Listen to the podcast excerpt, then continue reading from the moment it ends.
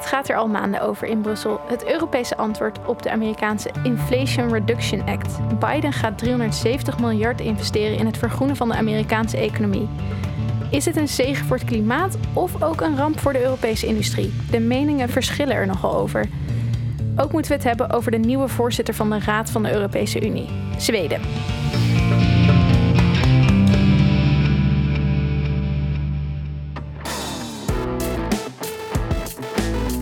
Welkom bij Bellen met Bas, de podcast over Europese politiek waarin we bijpraten met GroenLinks-Europarlementariër Bas Eickhout. Mijn naam is Mijke Vedder.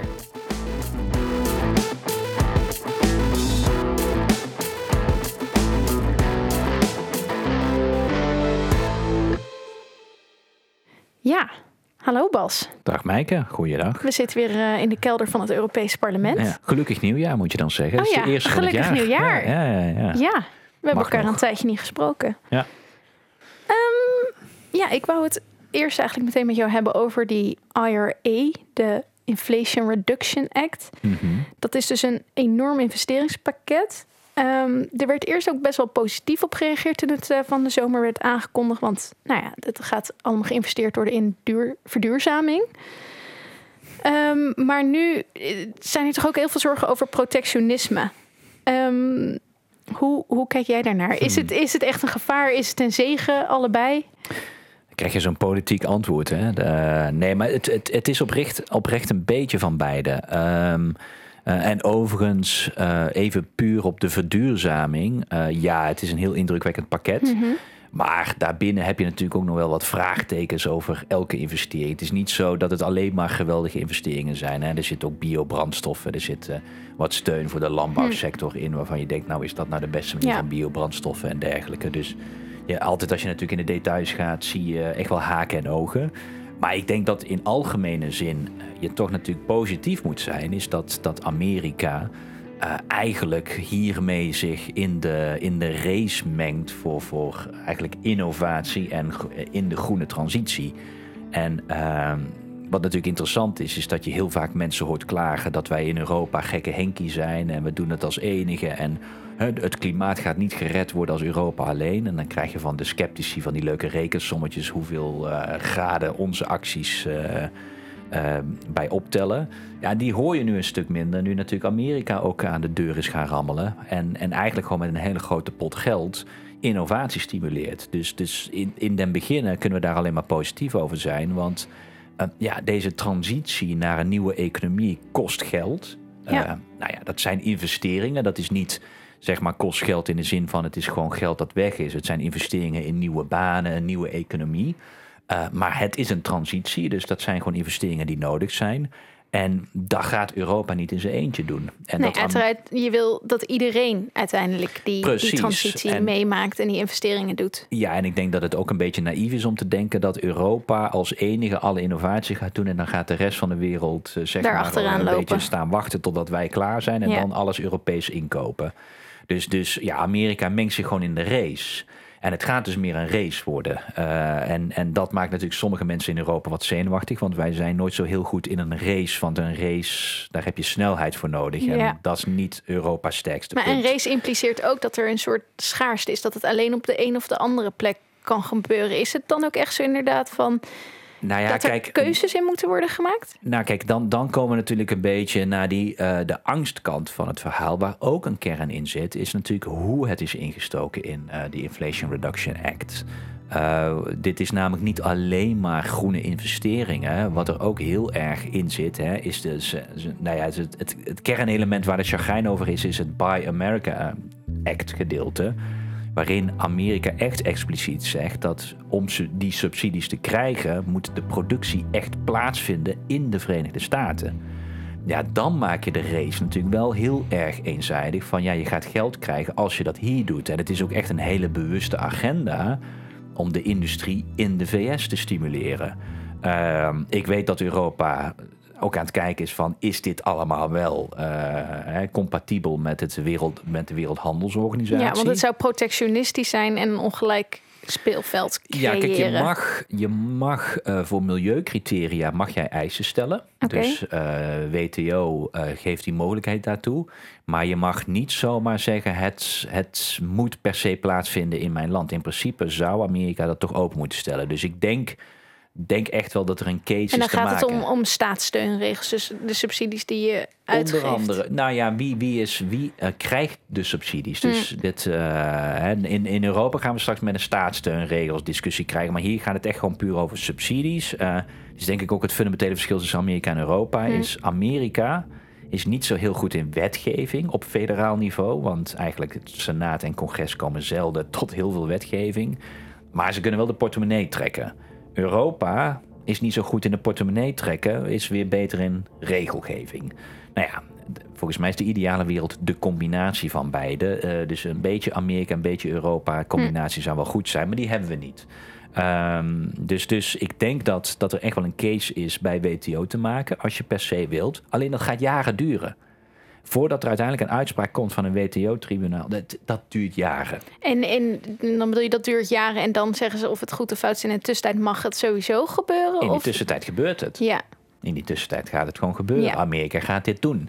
Dus je kan wel als Europa niet allemaal een beetje over gaan mopperen en het is niet eerlijk. Maar dat is een beetje zo'n Calimero die een beetje zegt dat de wereld oneerlijk is. Ja. Ik denk dat we een slimmere reactie is om nu gewoon even te gaan kijken van wat betekent dat voor ons. Dus moeten wij ook niet op een Europees antwoord komen. En ik denk dat dat het enige juiste antwoord is. Hier moet gewoon een Europees antwoord op komen.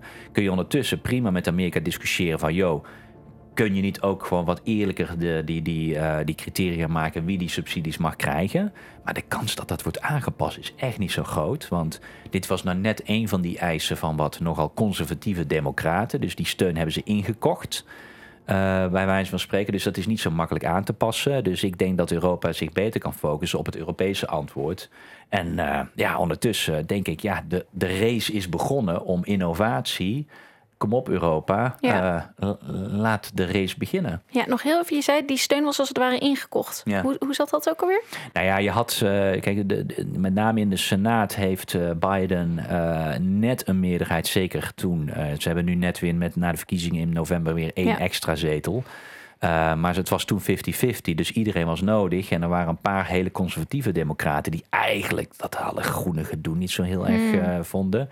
En, en daarvan zijn juist uh, een paar van dat soort hele erg nationalistische elementen in aangebracht. Van hè, dat Buy America, echt lokale Ja. productie, lokale, uh, lokale industrie steunen. Dat, dat is er juist in aangebracht om een meerderheid te krijgen. Ja, dat is dus niet, daar kunnen wij over mopperen. Maar het zal moeilijk zijn voor Biden om dat even aan te passen. Dus er worden allerlei lieve woorden gesproken als Rutte naar Washington gaat. Maar ik denk niet dat er heel veel concreet in de wetgeving gaat veranderen. Nee. Dus we zullen toch ook eerst ons eigen huiswerk moeten gaan Ja. doen.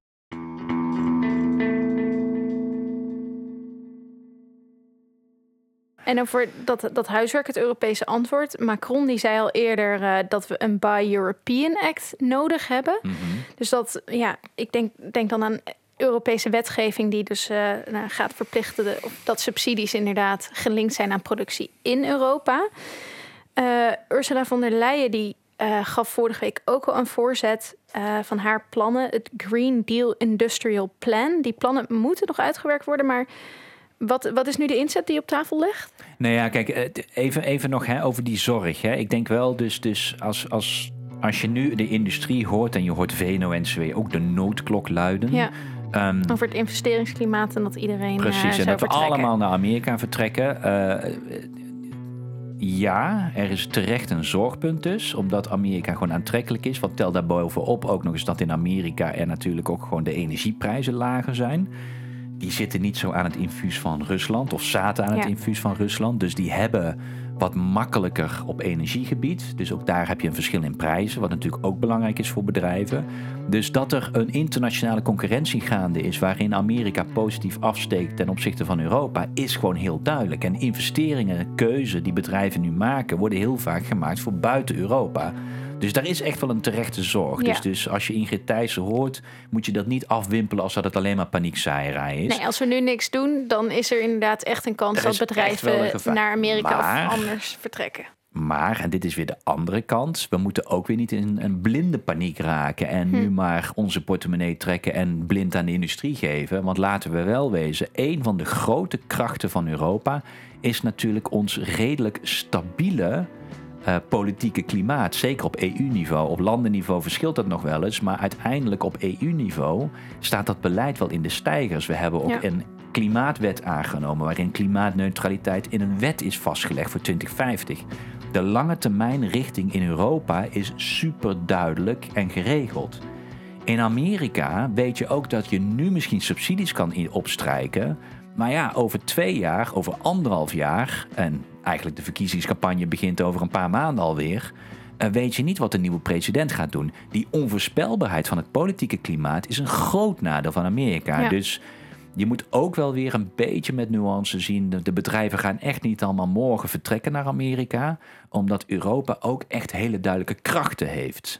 En- ja, en- juist die zekerheid over wat, wat dan de regelgeving gaat zijn en hoe bedrijven zich moeten aanpassen, kan een reden zijn om hier te blijven. Precies, want dat is wel, kijk wat bedrijven ook vaak zeggen, wij hebben helderheid nodig van de politiek. Ja. Waar moeten wij naartoe?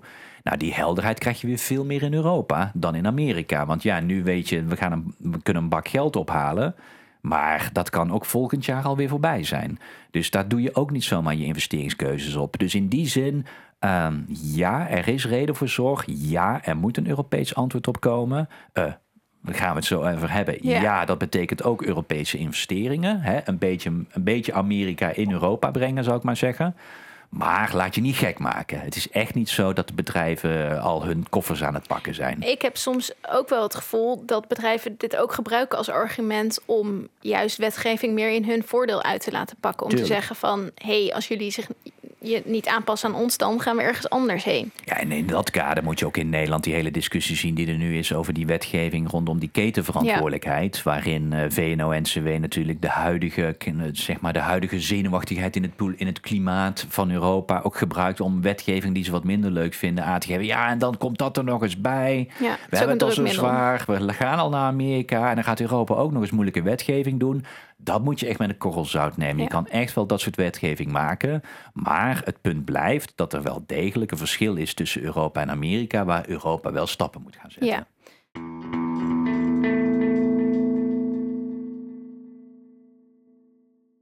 Nou, die stappen, Die stappen, daar gaan we het dan Ja, over ja. hebben. Ehm, wat is er nu aangekondigd? Ja, Van der Leyen heeft dus vorige week eerst in Davos hè, bij de World Economic Forum eh, en later ook in het Europees Parlement. Ze is letterlijk van Davos naar Straatsburg Is, gegaan. is het dan niet gek dat ze daar eerst dat uit de doeken doet in plaats van eh, het hart Ja. van de democratie? Ja, op zich wel. Maar eh, goed, het, eh, ik, moet, ik moet zeggen, ik snap sowieso niet helemaal die aantrekkingskracht van Davos, om heel eerlijk Nee. te zijn. Dus eh, eh, als daar de Great Reset gebeurt, dan, eh, nou ja, dan is het triest gesteld met de reset, zou ik zeggen. Ja. Maar goed, ze heeft eigenlijk een redelijk vergelijkbare speech daar gehouden als in Straatsburg. Dus je krijgt wel een goed inkijkje in waar de commissie mee aan het werken is. Ehm, en dat is inderdaad, hè, wat je net zei, dat, dat, dat, dat wordt dan de Green Deal Industrial Plan. Eh, wat gewoon in den beginnen goed klinkt omdat heel duidelijk wat eh, Van der Leyen zegt. Ja, wij hebben ook een industrial plan nodig. Nou, GroenLinks roept al heel lang op groene industriepolitiek. Ja. Ehm, dat, was, dat was een paar jaar geleden echt nog iets vies, industriepolitiek. Nou hoor je zelfs eh, de VVD erover praten. Dus, dus, dus het debat is wel gaan schuiven. En wat dus heel belangrijk is, is dat Van der Leyen dat wel heel erg koppelt aan de Green Deal. Van het is een industrieplan, maar wel voor de Green Deal. Dus Ja, het is niet zomaar industrie Nee. hier houden, maar we willen echt die groene industrie ook Ja, en dat is natuurlijk, dat is ook nou precies wat nodig is om die klimaatneutraliteit en die hele transitie van onze economie te laten slagen. Hebben we gewoon ook een industrieplan nodig. Dus eigenlijk is, het, is de IRA, hè, de, Ja. de Inflation Reduction Act, iets positiefs dat nu eindelijk ook in Europa Ja, deze discussie moest er hier is. sowieso gebeuren. Zoals altijd in Europa eh, wordt er al heel lang ergens over gepraat. En wij roepen er al langer om. En, maar je hebt dus een extern iets nodig waardoor het, eh, waardoor het tempo krijgt. En dat was dus dit keer een Amerikaans besluit. Maar wat Ursula van der Leyen heel duidelijk heeft aangegeven... is van oké, wij zullen echt eh, nu vaart moeten maken met een plan... Ehm, en dat heeft verschillende elementen.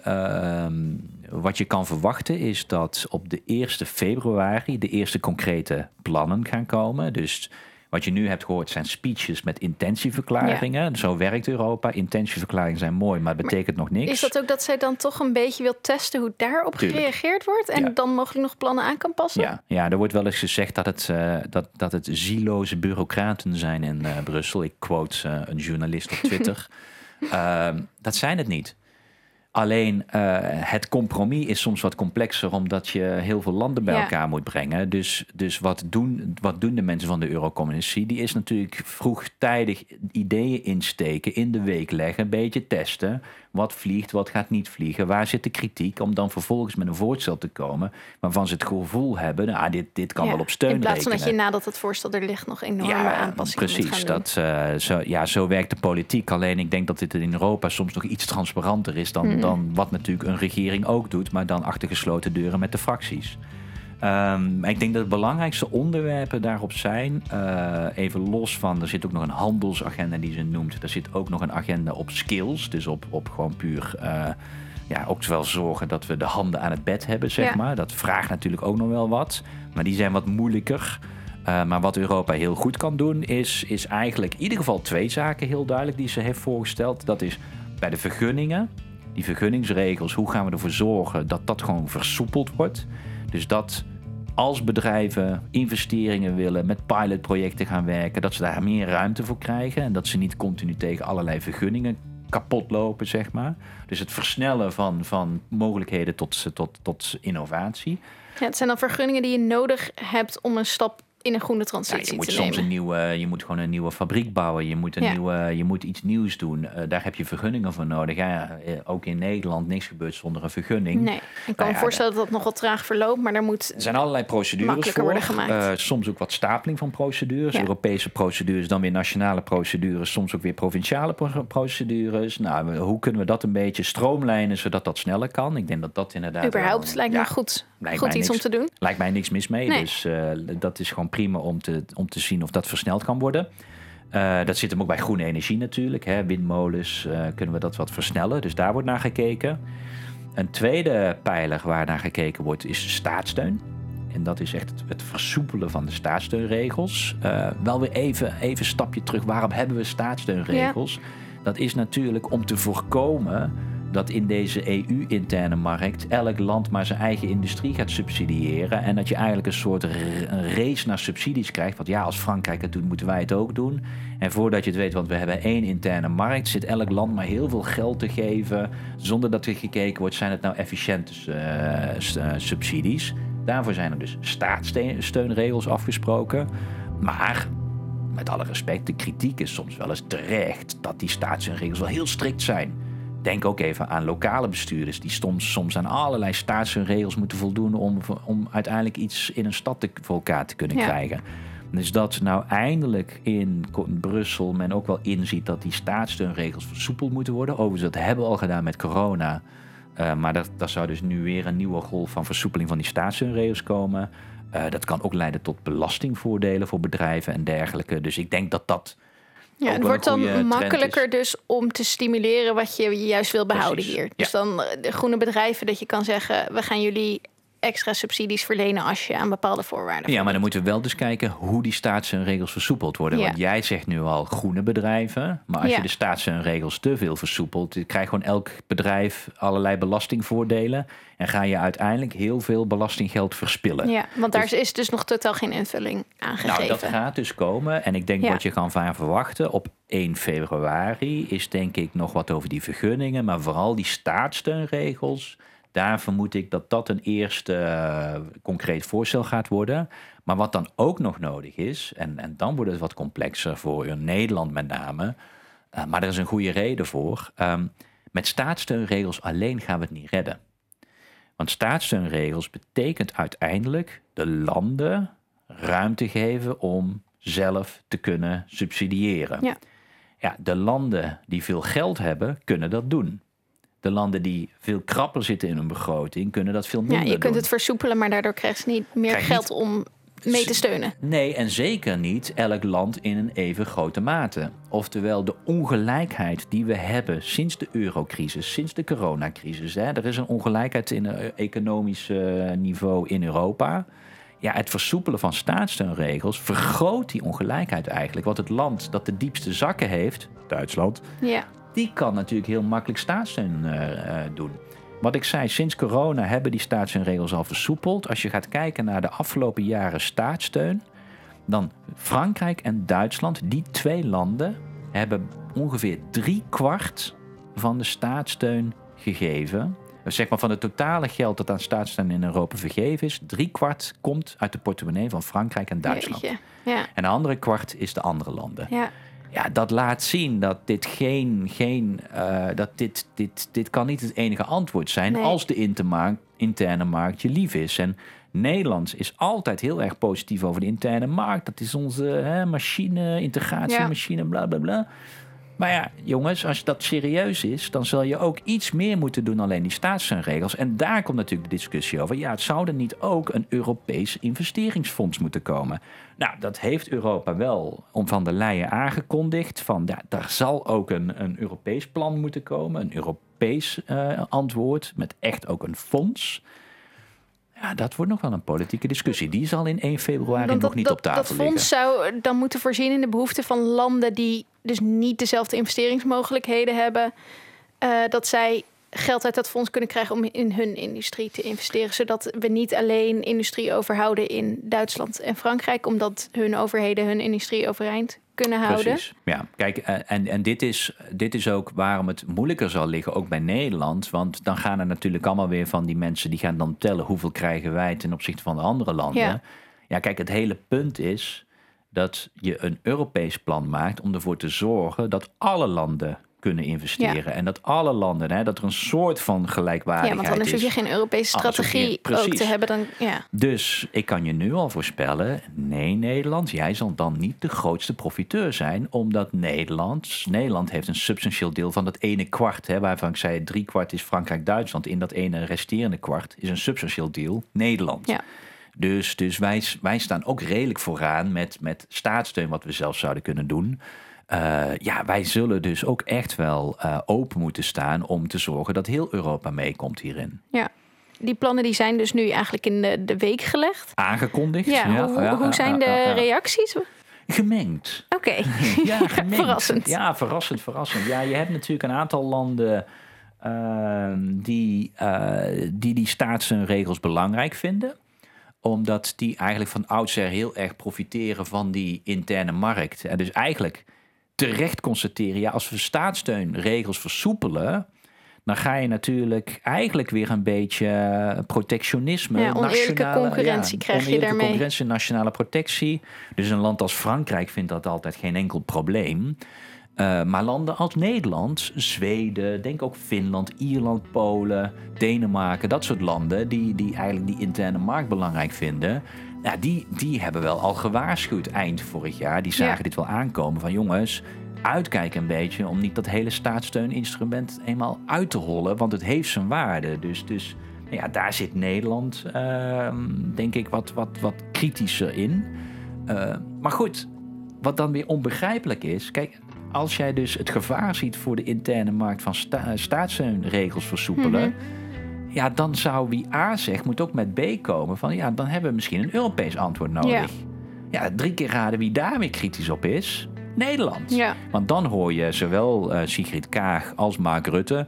Ja, laten we eerst kijken naar de fondsen die we al hebben. En die moeten allemaal goed besteed worden. En dan pas is er tijd voor, eh, voor, voor nieuwe fondsen. Nou, ik kan je melden, er wordt natuurlijk al heel veel gekeken naar de bestaande fondsen. En daar is zeker nog wel wat winst te behalen. Maar als je gaat kijken naar het investeringsgat dat er is in Europa ten opzichte van wat nodig is voor de Green Deal. Helemaal als Amerika dus aan de bak gaat. Dat gat kennen we. En dat gat is er.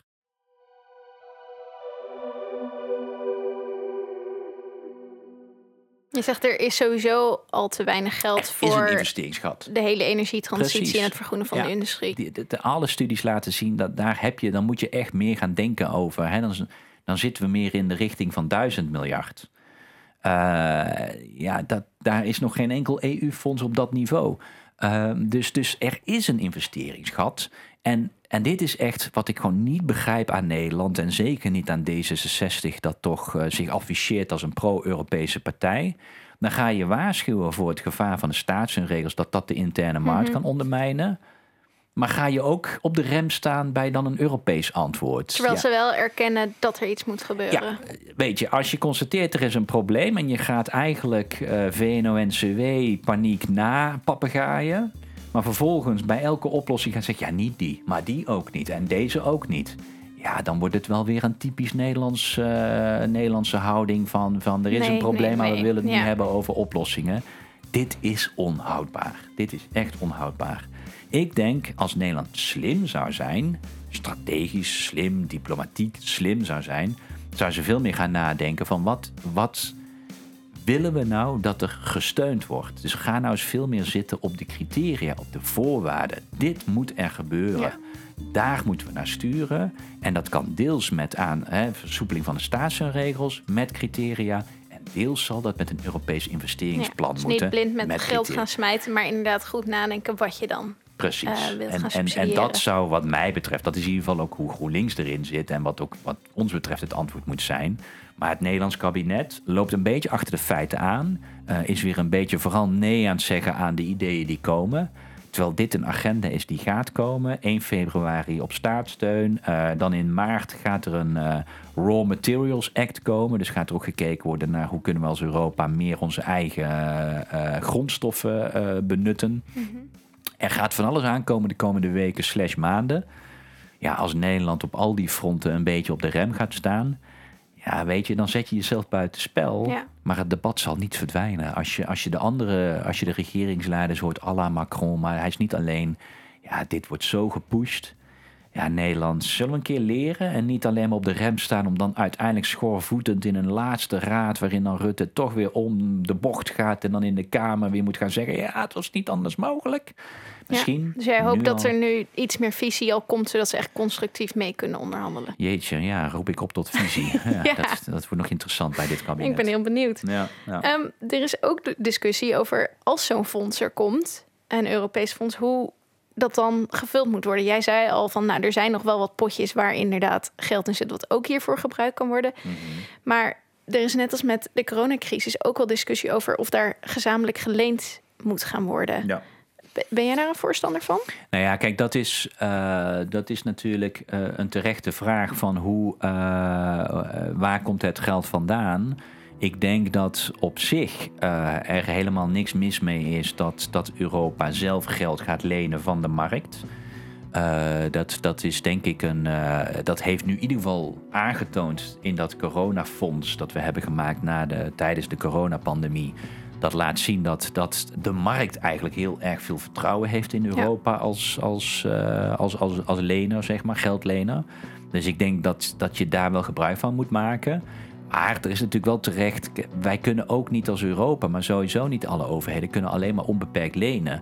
Ehm, dus we moeten het ook gaan hebben over inkomsten. Er moet ook wel een serieuze discussie komen van moeten we niet ergens geld gaan ophalen? Nou ja, daar hebben wij een instrument voor, dat heet belastingen. Eh, en, en nou ja, een beetje op zich roepen we al wel langer dat, dat er nogal vrij weinig belasting is op kapitaal. Er is vrij weinig belastingen op vervuiling. Dat doen we wel bij CO2, maar eigenlijk nog niet bij andere. Dus misschien wordt het ook tijd dat we wat meer die instrumenten gaan ontwikkelen, zodat je, zodat je ook opbrengsten genereert die je dan vervolgens kan besteden. Dus, dus die discussie is ook onvermijdelijk. En ja, dat betekent ook belastingen op EU-niveau Ja. weer zo'n taboe. Mag ook weer niet van Nederlands. Maar weet je, ehm, op een gegeven moment, als wij een Europees antwoord op de ontwikkelingen in deze wereld willen hebben, dan zullen er nog heel wat heilige huisjes moeten sneuvelen in Den Haag. ja, dan moeten ze daar gewoon echt over gaan hebben.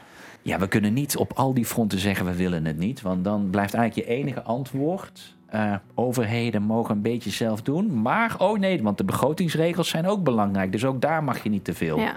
Ja, weet je, op een gegeven moment draaien we ons vast in alle eisen die we hebben. En het wordt tijd voor een regering die daar een beetje met smoel ook voor uit durft te komen. Nou ja, dat boodschap aan het kabinet. Ja, ja.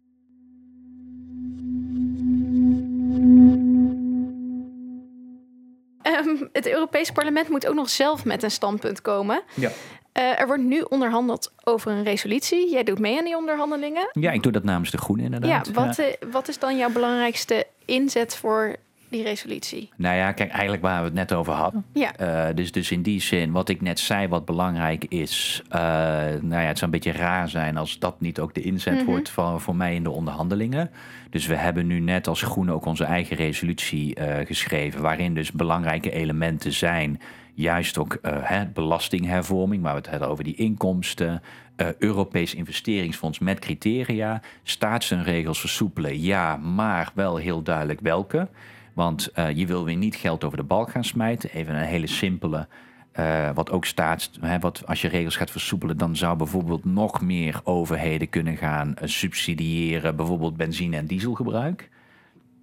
Alles aangetoond dat dat de meest oneerlijke manier is, want dit, dit promoot alleen maar de rijkeren, dus daar Ja. profiteren alleen maar de rijkeren van. Dus geldverspilling, inefficiënt en ook nog eens oneerlijk. Dus, dus die staatsregels moeten op een slimme manier gedaan worden, eh, zodat het ook sociaal rechtvaardig gebeurt. Ehm, en natuurlijk ook dat er gewoon een Europees antwoord dus op die IRA in zijn gezamenlijkheid moet komen. Ja, dat wordt onze inzet. Maar dat wordt nog wel een politieke discussie eh, met de andere fracties hier in het Europees Parlement. Want over het algemeen voel je wel, er is steun voor een Europees antwoord. Maar met name aan de conservatieve helft gebruikt men dit ook om een beetje te zeggen... en daarom moeten we een beetje ophouden met dat hobbyisme van de Green Deal... en, en gewoon eh, bakgeld, punt. Ja, weet je, dat, dat, dat zou nou echt zo doodzonde zijn. Dus voor hun gaat het echt meer om gewoon de industrie beschermen en niet per se Ja. de groene industrie. Precies. En daar zit zelfs bij de Christendemocraten zitten ook allerlei Buy European Act-achtige constructies en woorden die gebruikt worden. Dus het is vooral Europese industrie een bak geld en we gaan verder niet praten. Ja, dat is je kop in het zand steken. Want uiteindelijk weet iedereen dat ook die industrie toch in een transitie moet gaan. Die Green Deal kun je niet wegdenken. Omdat Nee. sommige Christendemocraten dat heel graag zouden willen doen. Ja, laten we nou ook deze discussie ervoor zorgen dat ons Europese antwoord eigenlijk die transitie versnelt. Maar dan moet je die bak geld wel aan criteria binden. Daar hoop ik nou net in Nederland een soort partner te kunnen hebben in deze onderhandelingen. Dat, dat, omdat Nederland over het algemeen ook niet super blij wordt van zomaar een bak geld geven. Nou ja, dat, dat, dat zal nog zeker een discussie worden met, eh, met met name de Christendemocraten, die wel weer, eh, nou ja, zeg maar hun superconservatieve retoriek van stal halen. Toch is Ursula von der Leyen zelf ook een christendemocraat. Ja, Denk klopt. jij dat zij dan nog een beetje... Hoe, hoe zit dat eigenlijk, haar rol als ja, voorzitter van de Europese Commissie? Lobbyt ze? Zou ze dat nog ook doen bij haar? Ja, het is een interessante periode komen natuurlijk. Want we gaan ook langzaam en zeker in, in een nieuwe verkiezingstijd. Wil Van der Leyen herkozen worden, dan moet ze misschien haar christendemocraten nog wel wat cadeautjes geven hier en daar. Ik denk dat als je Van der Leyen spreekt persoonlijk, zit ze helemaal niet zo ver weg van wat wij ook willen eh, als groene. Alleen zij zal een beetje een balans moeten vinden om toch ook wel eh, nou ja, iets van de conservatieve wensen te geven. Dat is ook volgens mij waarom ze in haar plannen het ook heel erg heeft over handelsdeals met andere Hmm. landen. Wat ik een beetje een raar model, daar kunnen we echt wel een discussie over. Hè? Vrijhandel met, met India, met Indonesië, Ja, met maar dat kan ook los hiervan staan. Maar die discussie zie, zie ik een beetje los van waar we nu mee Ja. bezig zijn als het Europese antwoord. Maar zij heeft dat eigenlijk in één pakket gegooid. Om mensen een beetje tevreden te houden. Ik heb het gevoel dat dat. dit. Ja, dat is een cadeautje voor de Christendemocraten. Dat gevoel krijg ik wel een beetje. Ja, ja het is, het, uiteindelijk is het ook gewoon politiek wat hier Ja, gebeurt. blijkt dan toch. Ja, ja. Oké, ehm, nou, we gaan volgende week zien wat er gebeurt, wat er overeind blijft vanuit eh, nou ja, de inzet van de Groenen. Eh, een waar compromissen ja, moeten ja. worden gesloten. Ja, maar let wel, hè, dat is dan een resolutie die wij aannemen volgende week. Hè. Dat Ja. is echt, de la, de, e- echt begin februari. Maar al op 1 februari komt de commissie met haar eerste plannen rondom waarschijnlijk met name staatssteun. En, en verwacht in februari echt nog verdere stappen op allerlei industriepolitiek. En op een gegeven moment dat debat van een fonds.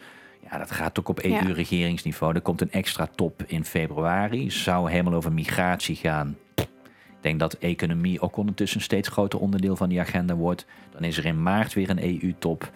Ja, dit debat, Dit gesprek is nog gewoon dit nog debat. niet eh, en eh, voorlopig kan Rutte niet meer een Chopin-biografie meenemen naar een EU-top, eh, denk ik. Ah, je weet het nooit. Ja, ik kan het verbazen. proberen, maar dan komt hij weer van de koude kermis thuis... dat hij toch ergens weer, weer moet gaan uitleggen... en gaat doen alsof hij verbaasd is over een ontwikkeling in Brussel... Ja. terwijl deze echt al maandenlang Ja. zichtbaar is.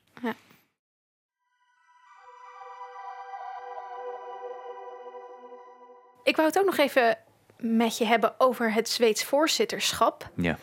Ehm, vanaf 1 januari zijn de Zweden de voorzitter van de Europese Unie. Mhm. Heel kort, wat betekent dat ook alweer? Ja, voorzitter, hè, dit is met name dus voor de, voor de, voor de verschillende ministerraden. We hebben, hebben een vaste voorzitter voor de Europese Raad. Dat is waar de regeringsleiders in zitten.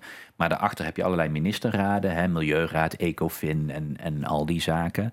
Die bespreken dus allerlei wetgeving op hun eh, gebied. En daar wordt elke zes maanden een nieuwe voorzitter voor uh, gerouleerd. En uh, vanaf 1 januari is dat Zweden. Ja, we maakten er ook al eerder een aflevering over wat ook alweer die invloed nou precies is ja. als, als voorzitter. Uh, toen bleek, nou, je kan best wel wat invloed uitoefenen als je daar je echt op inzet. Um, het komt voor een interessant moment voor de Zweden, want in oktober trad daar een nieuwe regering aan. Hoewel de Sociaaldemocraten de grootste partij waren bij de verkiezingen, uh, kreeg zijn rechtsblok toch nipte meerderheid. Die hebben nu een regering gevormd, de liberale, conservatieve en christendemocraten. En extreem rechts in een gedoogpositie. Ja komt bekend voor, hè? Ja, het, dat, dit zeggen, heb ik eerder gehoord. Het is een soort CDA-VVD in een regering met gedoogsteun van de PVV. Dus Zweden, ja. Zweden is nu waar Nederland in 2000, wat was het? 11, 10, 12 ja. was. Ja. De geschiedenis herhaalt zich eigenlijk. Dat liep niet heel erg goed af in nee. Nederland. Nee. Um, ja, ze hebben nu wel vol goede moed vier prioriteiten aangekondigd: security, resilience, prosperity en democratic values and the rule of law. Mooi. Nou, dat is eigenlijk volgens mij iedere keer bij een nieuwe voorzitter komen ze met iets wat hierop lijkt. Ja. Um, ja, ja. Dus ik, ik kan nog niet heel goed inschatten wat dit precies inhoudt.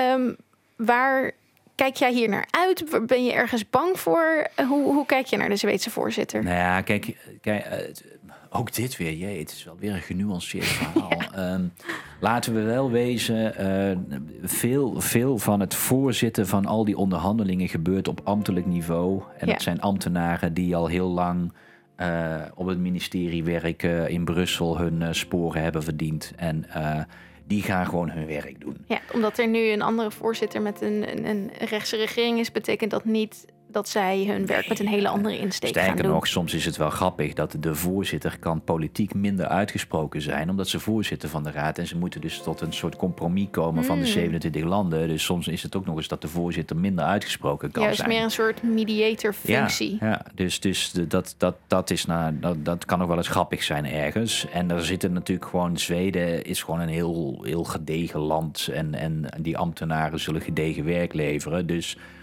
ehm, je moet ook weer niet denken van, nou, dit wordt één groot drama. Maar, hè, dat is dus de ene kant van het verhaal. De andere kant van het verhaal is dat ehm, zo'n voorzitter natuurlijk wel keuzes kan maken. Waar gaan we op prioriteren? Ehm, Ja, wat zetten we bovenaan de we- agenda? Welke onderhandelingen gaan we vaart achter zetten? Wat heel erg opvallend is, is dat bij- bijna elke voorzitter de afgelopen jaren altijd klimaat en milieu heel erg op één zetten. Dat hebben de Zweden niet. Wat natuurlijk heel raar is. Zweden is een best een goed land.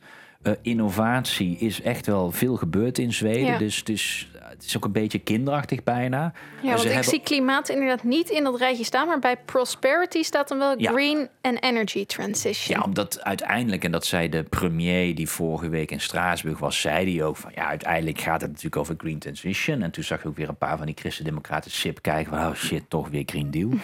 Ze ontkomen er niet Ehm, Ze aan. ontkomen er, nee, je ontkomt er ook gewoon niet aan. Maar goed, dit terzijde. Uh, maar wat wel weer gebeurd is op nationaal niveau, hebben ze dus het ministerie van Milieu afgeschaft. En dat valt nu onder het ministerie van Ondernemen en Innovatie. Ja. Um, ook dat doet je een beetje denken. Weet je nog, een van de eerste acties van de gedoogregering in Nederland, opheffen van het Milieuministerie. En dat werd in het infrastructuur en ja, toen nog milieu, dat is later water geworden. Oh, dat is echt Zo- de geschiedenis Ja, herhaald. zelfs- en dat is, toen is de milieuminister gedegradeerd tot sta- staatssecretaris.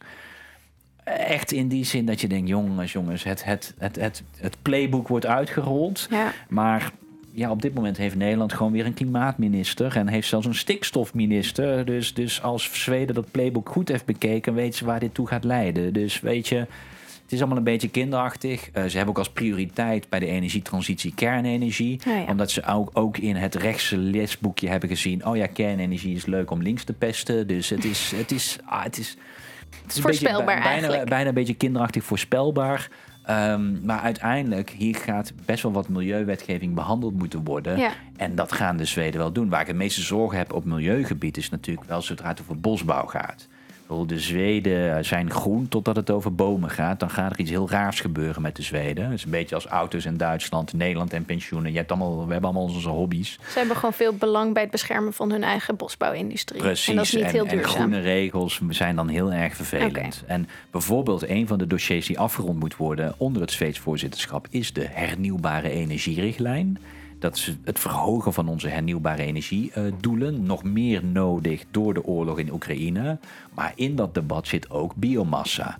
Ja, dan ga je dus zien dat, dat met de Zweden dat een hele moeilijke discussie wordt. En, en even voor de mensen thuis. Uh, de verschrikkelijkste partijen in Zweden, die dus zoveel mogelijk wel biomassa willen, zitten in de fractie van Ja 21. Dus hm. wel even Ja 21 die in Nederland altijd over biomassa roept, er, loopt te roepen en uh, voor allemaal verspilling. Nou, jouw fractiegenoten in Zweden willen vooral meer biomassa. Hm. Dus misschien moeten ze Leuk eerst voor in, de journalisten die luisteren eerst in ze eigen politieke misschien, familie wat huiswerk op doen. Ja, precies. Dus dat, dat gaat zeker een lastige discussie worden Ja. rondom de Green Deal. Maar ik vermoed verder valt het daar wel mee. Ik denk waar het echt het, het vervelend gaat worden is rondom migratie en de rechtsstaat. Ze hebben dat wel, hè, rechtsstaat hebben ze genoemd. Maar ze zitten hier, die, die, die Zweden-democraten, dus die rechtsextremisten, die zitten in de fractie met de PIS-partij, de Poolse regeringspartij, die dus Ja. nou net een van die een rechtsstaatprobleem is. En tot nu toe hebben die altijd gestemd tegen welke resolutie van het Europees Parlement ook, want rechtsstaat is een nationale kwestie. Daar Hmm. moet Europa het niet over hebben. Dank je de koekoek. Ja. Dus diezelfde Zweden die ook altijd over geld hebben, maar geld aan, aan, aan regeringen die de rechtsstaat aan de laars lappen, is dan in één keer geen, Geen probleem. probleem. Nee. Uh, daar gaat Zweden wel, wordt het interessant hoe ze zich gaan opstellen dus. Uh, Terwijl dat nu nou net wel echt op, hoog op de politieke agenda is gekomen met Hongarije en Polen. Nou, wat gaat de Zweedse regering daar doen? Beetje ongewis nog. En migratie is natuurlijk helemaal verschrikkelijk, omdat uh, ja, die, die rechtsextreme partij wil eigenlijk helemaal niks met migratie. Terwijl ja, het heel duidelijk is dat er echt een oplossing op Europees niveau moet komen. Ja, wat je nu al hoort is dat de Zweden eigenlijk dat al een beetje aan het opgeven zijn. Ja, dat zou gewoon heel slecht nieuws zijn. Ja. Uh, dus dus ik, ik vrees wel voor rechtsstaat, voor migratie. Op groen gaat het niet allemaal uh, goed zijn. En zeker op bio-energie zullen we wat problemen krijgen. Maar ik denk dat de echte problemen echt op rechtsstaat en migratie gaan Ik kan me ook voorstellen dat de Zweedse commissaris uh, Ilva Johansson daarmee ook in een lastige Ja, positie zij is komt. net- ja. Verantwoordelijk nou ja, voor dat asielbeleid. Ja, Zweedse sociaaldemocraat. Dus benoemd door de vorige regering, de Sociaaldemocraten. En die zit nu als Zweedse met een regering die totaal niet de hare is. Ja. En op haar dossier waarschijnlijk haar heel erg dwars gaat liggen. Nee, ja, ik had al wel meelijden met haar, omdat zij in, het Europese commissie, in de Europese Commissie zit zij onder de vleugels van de Griekse eurocommissaris, christendemocratische houtdegen Skinas. Dus ze had het al zwaar en nu gaat haar eigen land ook nog eens uh, Ja. lastig doen. Nee, Johansen, denk niet dat haar laatste jaar echt een vreugdevol jaar gaat worden. Nee. Nou, jammer voor haar, maar ook vooral uh, voor ons in Europa. Ja, denk het wel, want, want dan daardoor blijft migratie een, een hoofdpijndossier. Waarin we allemaal weten dat de enige manier hieruit is, is met een Europese oplossing. Ja, het was al heel lastig, maar Het wordt er hiermee... Nee. Nee, het wordt er niet makkelijker op. En in dezelfde partij van de Zweedse democraten, hè, die dus in die regering gedoogpartner zijn, zit ook nog eens Fratelli d'Italia, Meloni, die dus dan weer Ja. premier in Italië is, die ook geen antwoord wil. Dus we gaan eigenlijk allemaal nationalistische antwoorden krijgen, wat nou net precies het falen is van wat we tot nu toe continu hebben gezien. Dus nee, het migratiedossier was al hoofdpijn. Dat wordt, vrees ik, nog meer hoofdpijn. Ja. Nou, we blijven het volgen. Maar ik Ja, vrees dat we met die niet zo hoopvolle boodschap uh, Misschien de volgende keer niet met het Zweeds voorzitterschap Nee, eindigen. dan beginnen we Eh, daarmee met een update over het Zweeds voorzitterschap. Een soort negatieve spiraal Ja. zijn we geëindigd. Dus uh, nou ja, laten we, laten we hopen dat desondanks al dit uh, er wel gewoon een goed, groen en sociaal Europees Ja. antwoord op het Amerikaanse IRA komt. Fijn, dat is een beter einde. Toch hè? Ja, dankjewel. Graag gedaan.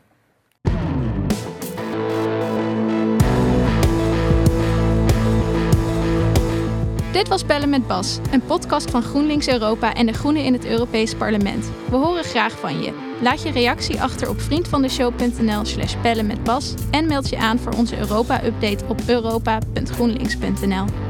De audiovormgeving is door Studio Cloak. Tot een volgende keer!